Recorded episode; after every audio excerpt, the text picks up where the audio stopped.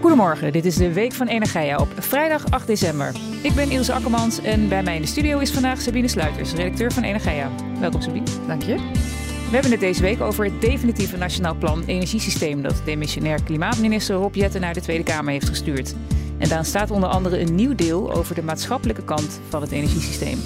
Sabine vertelt zometeen wat daaronder valt en voor welke keuzes een nieuw kabinet staat. Maar eerst kijk ik met hoofdredacteur Wouter Hielkema naar ander nieuws van deze week. En ook Wouter is weer in de studio vandaag. Goedemorgen Wouter. Goedemorgen Ilse. Welke onderwerpen sprongen voor jou uit in het energienieuws van deze week? Ten eerste dat de autoriteit Consumentenmarkt het maximum warmtetarief heeft vastgesteld voor huishoudens die zijn aangesloten op een warmtenet. Het tarief is afhankelijk van het verbruik en halveert bijna vergeleken met vorig jaar, maar de warmtenota halveert niet. Daarnaast, het Schotse bedrijf OEG Renewables wil het Nederlandse Bluestream overnemen. Dat is een technisch offshore dienstverlener. De plannen hebben te maken met de veranderende werkveld op de Noordzee. En in Flevoland zijn alle windturbines van Windplan Groen afgebouwd. En die krijgen een naderingsdetectiesysteem waarmee de rode lampen op de windmolens alleen nog aangaan s'nachts als er vliegtuigen in de buurt zijn. Maar het is onzeker of dat ook wel echt daadwerkelijk binnenkort gaat gebeuren. Ja, we beginnen met het maximum warmtetarief voor huishoudens die zijn aangesloten op een warmtenet. Het verbruiksafhankelijke tarief halveert bijna vergeleken met vorig jaar. Hoe zit dat, Wouter? Ja, nou, belangrijk ten eerste om te zeggen, het gaat om de maximale tarieven die de ACM vaststelt. Een warmteleverancier kan gewoon uh, lagere tarieven vaststellen. Dat, daar, daar is nu niks over gezegd. Maar het maximale tarief heeft de ACM vastgesteld. En van het verbruiksafhankelijke deel, dat halveert ten opzichte van vorig jaar. Mhm. Kijk, vorig jaar zaten we natuurlijk in de energiecrisis. Er was een hele hoge gasprijs en het warmtetarief is gekoppeld aan de gasprijs. Dus door die hele hoge gasprijs gingen ook de warmtetarieven enorm omhoog. Dat werd nauwelijks gevoeld vanwege het prijsplafond, wat toen ook heerste. Dat, is, hè, dat prijsplafond dat geldt niet als een, als een uh, maximum tarief, maar dat is gewoon een, een plafond waarvan de overheid heeft gezegd: alles wat boven die prijs komt, dat vergoeden wij aan de huishoudens via de leveranciers als een soort overheidssubsidie hè, om, de, om de energierekening wat lager te houden. Maar door dat plafond werd die hogere warmteprijs werd niet zo gevoeld door de, door de huishoudens. Mhm. Nu, hè, die koppeling met de gasprijs bestaat nog steeds. Um, de gasprijs is enorm gedaald en nu is dus ook het warmtetarief flink gedaald. Ja, en een halvering van het maximumtarief, dat betekent niet dat ook de warmtenota halveert. Daarvoor waarschuwt de branchevereniging Energie Nederland. Hè? En dat heeft te maken met het wegvallen van het prijsplafond. Ja, inderdaad. Dat, dat prijsplafond zorgde er dit jaar, dit lopende jaar, zorgt het prijsplafond ervoor dat, dat uh, huishoudens uh, niet dat enorme hoge tarief hoeven te betalen. Eigenlijk het prijsplafond ligt ongeveer op het maximumtarief wat de ACM nu heeft vastgesteld. Dus de prijs dit jaar die een huishouden betaalt en de prijs die een huishouden volgend jaar betaalt, die liggen helemaal niet ver uit elkaar. Die liggen, liggen, liggen vlak onder elkaar. Daar komt ook nog bij dat de vaste kosten omhoog gaan die zijn gekoppeld aan de situatie van huishoudens met een gasaansluiting. Uh, hè, daar is ook die, die, die gaskoppeling. En Energie Nederland verwacht daarom een kleine stijging van de warmtenota. Het maximumtarief is inderdaad gebaseerd op de referentie gasprijs. Het niet meer dan anders principe. En in de nieuwe warmtewet, waarover de Tweede Kamer zich nu moet buigen, wordt overgegaan op het kostenplus model. Wat houdt dit in? Ja, uh, die nieuwe warmtewet, daar hadden we het vorige week over in de podcast. Dus daar uh, moeten luisteraars nog maar even terugluisteren als ze daarin geïnteresseerd zijn. Kijk, toen die warmtewet 20 jaar geleden werd ingesteld, toen waren de, de, was de wetgever heel bang dat die warmtebedrijven als monopolist, dat die de huishoudens die aan een warmtenet zouden worden aangesloten, dat die die ja, eh, onredelijke prijzen zouden, zouden uh, geven. Mhm. En toen hebben ze het niet meer dan anders principe bedacht. Een warmteklant zou niet meer moeten betalen dan wanneer die een gasklant was. Nou, dat bestaat nog steeds. Dus die koppeling met die gasprijs die is er. Maar daar is eigenlijk niemand meer heel erg tevreden over. Het is niet transparant. Het is onduidelijk waar die warmte. Hè, de, relatie tussen de warmteprijs en de gasprijs die loopt steeds verder uit elkaar. En um, het is dus voor een, voor, een, uh, voor een warmteklant eigenlijk heel raar om afgerekend te worden op basis van wat er gebeurt op de gasmarkt. Daar willen ze dus vanaf. De ACM wil daar vanaf. Uh, de, de warmteleveranciers willen er ook vanaf. Um, de ACM zegt van ja, eh, door, doordat het nu niet transparant is waar die, hoe die prijs precies tot stand komt, dat ondermijnt ook het vertrouwen van de consument in warmteoplossingen. Dus dat moeten we niet hebben. Nou, warmtebedrijven hebben, hebben datzelfde eigenlijk. Die hebben ook klanten waarvan, die, die zeggen van ja, waar komen die tarieven vandaan? Dit willen we helemaal niet betalen. Um, dus in die nieuwe warmtewet komt er een kosten-plus zoals het zo mooi heet. En dan uh, wordt het warmtetarief echt, echt gebaseerd op de kosten die een warmteleverancier moet maken om die warmte aan die klant te leveren. Ja. Die plus uh, betekent dan dat er ook nog allerlei andere kosten uh, bij kunnen komen waarvan de ACM wel controleert of ze redelijk zijn en, en of, dat, of daar niet overwinsten worden gemaakt of iets dergelijks. Ja. Die wet, hè, daar hebben we het vorige week over gehad, die moet nog behandeld worden. Die is vorige week of twee weken geleden is die naar de Tweede Kamer gestuurd. Nou ja, op dit punt, uh, daar is weinig discussie over. Wordt die wel aangenomen. Maar voordat die warmtewet daadwerkelijk door de twee kamers is. en dit ook daadwerkelijk realiteit wordt. Ja, dan is er nog wel wat water door de Rijn gestroomd. Dan gaan we naar je tweede onderwerp. OEG Renewables. Een Schots bedrijf wil het Nederlandse Bluestream overnemen. En dat is een technische offshore dienstverlener. De plannen hebben te maken met het veranderende werkveld op de Noordzee. Ja, Wouter, waar houdt Bluestream zich eigenlijk mee bezig en waar loopt het bedrijf tegenaan? Ja, Bluestream is een, uh, is een Nederlands bedrijf dat offshore diensten voor installatie, onderhoud en ontmanteling van offshore installaties biedt. Uh, zo vond ik op de website. Wij spraken deze week met, uh, met directeur Rolf de Vries. Um, en die zegt, waar, zij, waar zij echt goed in zijn, is werken onder water. Ze werken met duikers, met onbemande duikboten.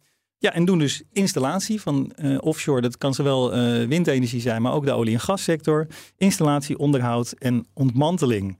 De olie- en gassector op de Noordzee, dat is uh, op zich een aflopende zaak. Uh, productie neemt daar steeds verder af.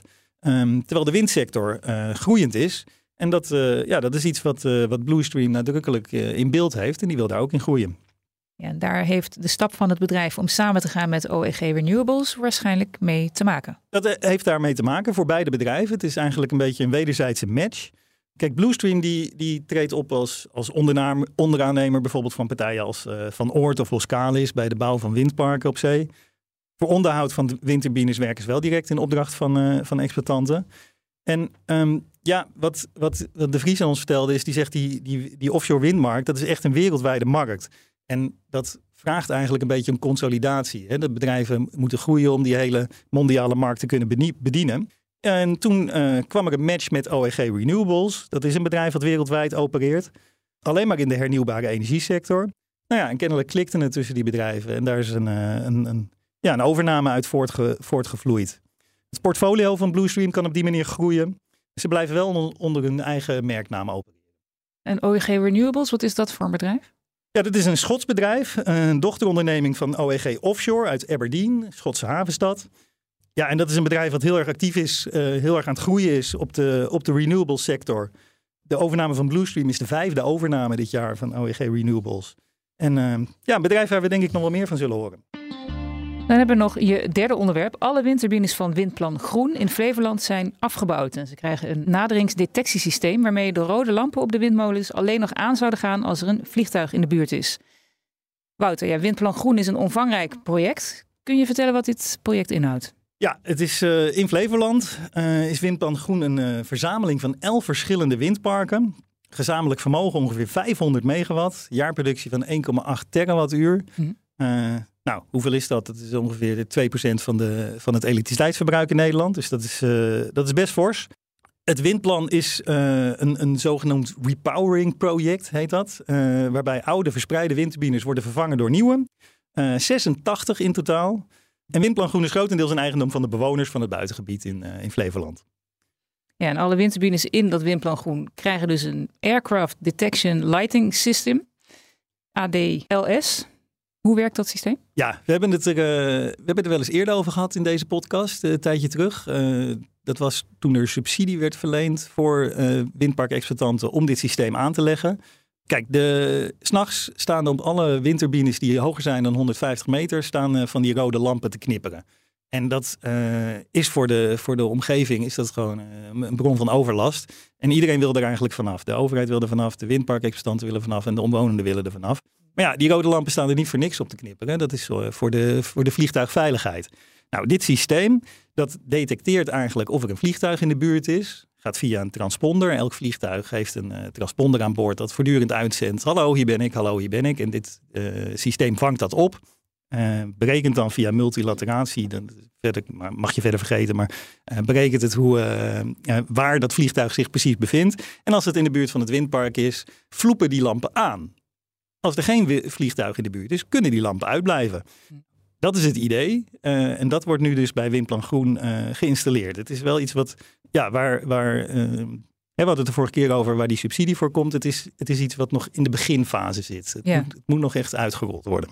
Ja, want ondertussen is nog niet zeker of die rode lampen ooit ook echt uit kunnen, begrijp ik. Want welke obstakels zijn er nog? Nou ja, dat komt dus doordat het nog uh, relatief nieuw is. Um, en ja, we hebben het wel over, over uh, luchtvaartveiligheid. Uh, dat is iets waar zwaar aan geteeld wordt. ja, als een vliegtuig tegen een windturbine aanvliegt, dat is uh, natuurlijk heel erg, dat kan desastreus aflopen. Mm. En daarom is de inspectie leefomgeving en transport is daar heel alert op om te zorgen dat alles goed in orde is. Um, nou, hier voor Windpark Groen wachten ze, zeggen ze, op, nog op de technische documenten en er moet nog een vliegtest uitgevoerd worden. Hè? Dus dan ja, gaat er een vliegtuig langs vliegen en dan moeten we kijken of, of die goed gedetecteerd wordt en of alles dan goed werkt. Mm. Um, en ja, als dat allemaal akkoord bevonden wordt, uh, ja, dat, pas dan kan het, kan het door. Maar voor de ILT is het ja, toch ook allemaal relatief nieuw. En ja, het is echt iets waar je geen fouten wil permitteren. Dus um, ja, daar, daar, daar wordt gewoon goed en zorgvuldig de tijd voor genomen. Als alles werkt, dan is de verwachting dat idealiter ongeveer 95% van de tijd die lampen uit kunnen blijven. In de praktijk zal het iets minder zijn. We spraken iemand van Windpark, Groen. En die uh, rekent dat 75% van de tijd ongeveer de lampen uit kunnen blijven. Dus dat is wel heel fors. Dankjewel, Wouter. We gaan het hebben over het definitieve Nationaal Plan Energiesysteem dat demissionair klimaatminister Rob Jetten naar de Tweede Kamer heeft gestuurd. In deze definitieve versie staat onder andere een nieuw deel over de maatschappelijke kant van het energiesysteem. En over wat eronder valt en voor welke keuzes een nieuw kabinet staat, praat ik met redacteur Sabine Sluiters. Sabine, we hebben in de zomer al een special gemaakt over het Nationaal Plan Energiesysteem. Dat was naar aanleiding van de conceptversie ervan. En jij hebt ook een aflevering van onze podcastserie Voetnoten eraan gewijd. Om onze geheugens op te frissen, wat houdt dit omvangrijke Nationaal Plan Energiesysteem nou ook alweer in? Ja, het is een heel omvangrijk plan ehm, waarin het kabinet uh, in kaart brengt uh, hoe het energiesysteem van de toekomst eruit moet zien en wat er voor nodig is om daar te komen. Dus dat is, uh, is nogal wat. 400 bladzijden aan tekst en uh, nou ja, een hoop bijlages. En Heb vlak je ze allemaal de... weer doorgelezen? nou, ja, zo goed en zo kwaad als het gaat. Mm. Uh, en vlak voor de zomer is uh, dit concept dus gepubliceerd. En de afgelopen maanden hebben daar nou, burgers, bedrijven, belangenorganisaties uh, op kunnen reageren. Ja, en ook het Planbureau voor de Leefomgeving heeft een reflectie geschreven op de conceptversie. Ja. En welke kritiek had het PBL? Ja, ja, klopt. Ze hebben ook naar, goed naar gekeken, uh, doorgelezen. En um, uh, nou ja, de kritiek, uh, ze hadden een aantal commentaarpunten. Um, ik kan dat niet allemaal behandelen, maar één, een paar zal ik er eventjes doornemen. Ja, het, dat gaat om de publieke belangen. het NPE geeft dus weer, um, met het NPE geeft de overheid weer hoe ze richting geeft aan het energiebeleid. voor de komende decennia. Maar ja, het is niet in beton gehouden. Dat kan gewoon niet. Je kan niet nu al bedenken hoe het er precies uit komt te zien. Dus moeten ze uh, nog een heleboel keuzes maken in de toekomst. Nou, en in het NPE, het concept NPE, heeft uh, het kabinet weergegeven dat ze daarbij bepaalde publieke belangen in oogschouw zullen nemen. Nou, bijvoorbeeld betrouwbaarheid, duurzaamheid, betaalbaarheid, veiligheid. Nou, dat moet allemaal meegenomen worden. En het PBL, die, uh, ja, maar die, die belangen die kunnen elkaar natuurlijk in de weg zitten. Dat mhm. voel je op je klompen aankomen. Dus, um, uh, en het PBL zegt ja, er is niet echt een afwegingskader om uh, die belangen tegen elkaar te wegen als ze dus met elkaar in de knel komen. En ze stellen dan voor om daar het concept brede welvaart uh, voor te nemen. Een ander aandachtspunt vond het PBL dat in het concept NPE vooral hè, dat het nog vooral een plan van de overheid is, waar de burgers dan achteraf soort van bij betrokken worden. Terwijl het echt een plan van de samenleving moet worden, waar burgers zich mee verbonden voelen en uh, dat ze inspireert en de ruimte geeft om nou ja, zelf bij te dragen ook aan die energietransitie.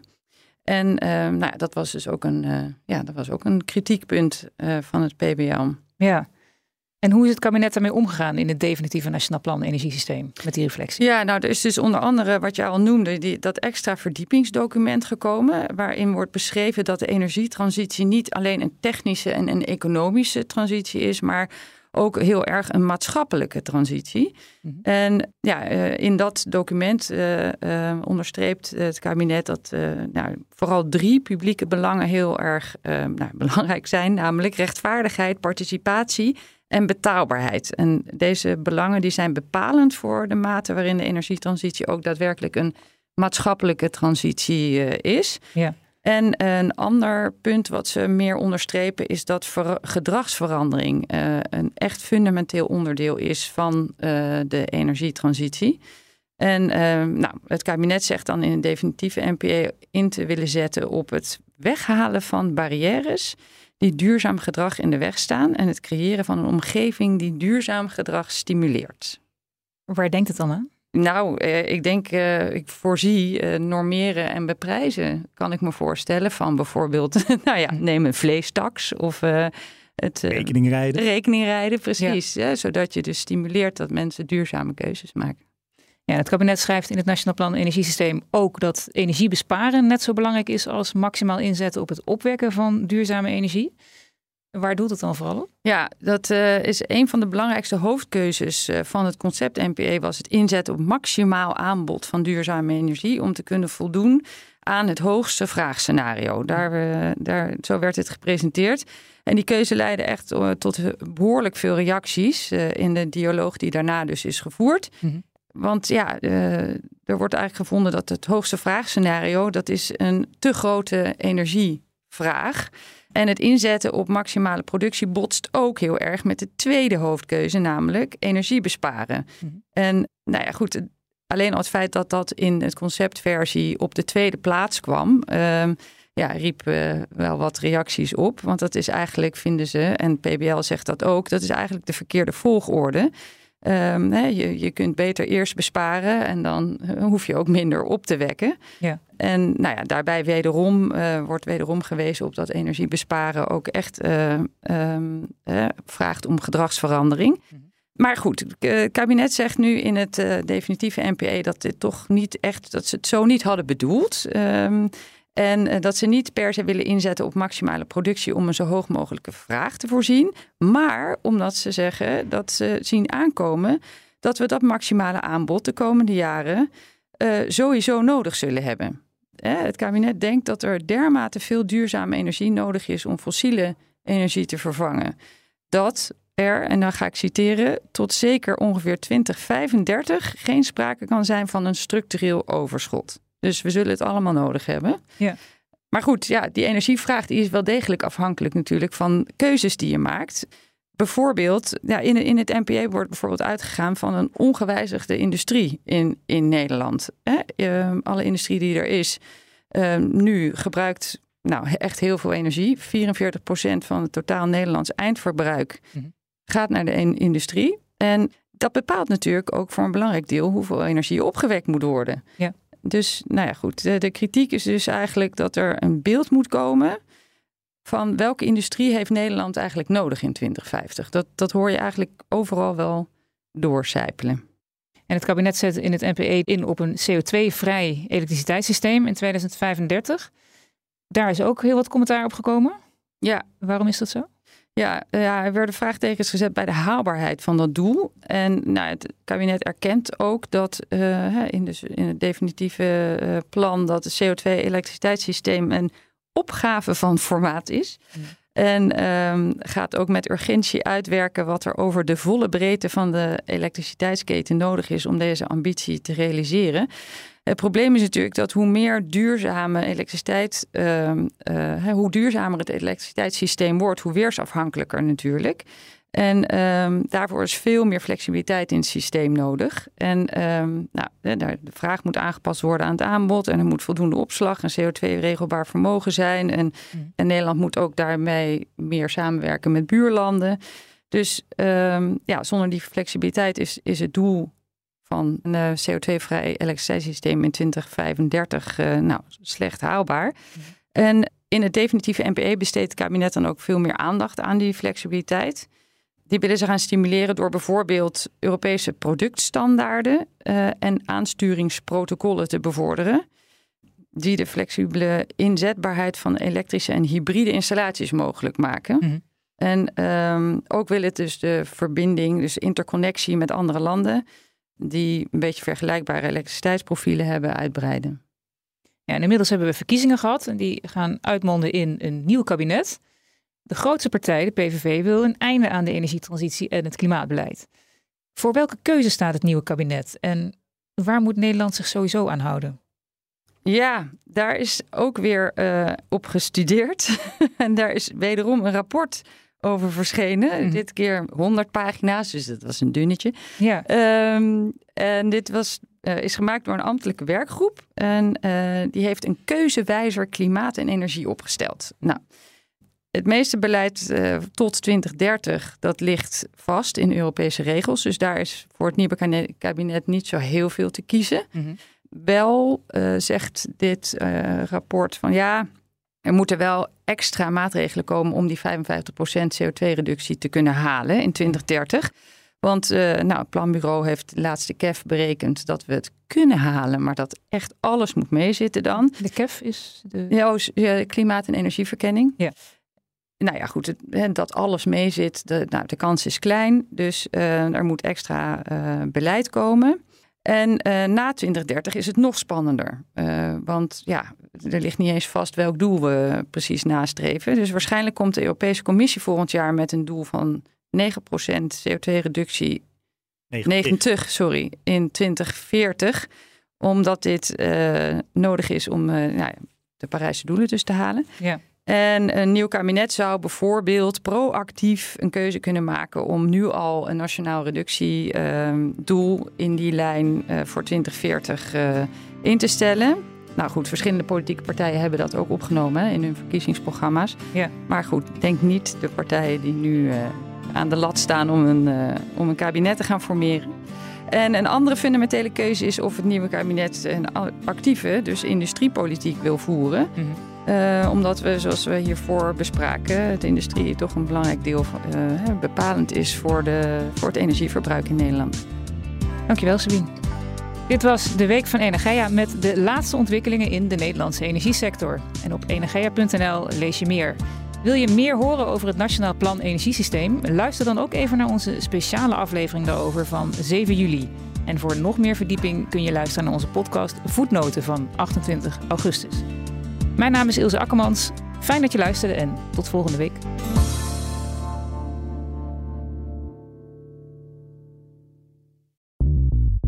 Bij BNR ben je altijd als eerste op de hoogte van het laatste nieuws. Luister dagelijks live via internet. Jelle Maasbach. Wesley Weert. We zijn er voor je met het leukste, opvallendste, maar natuurlijk ook het belangrijkste nieuws. Tijdens de presentatie van die halfjaarcijfers toen die beurskoers in elkaar kukkelde. BNR Beurs. Voor de slimme belegger. Blijf scherp en mis niets.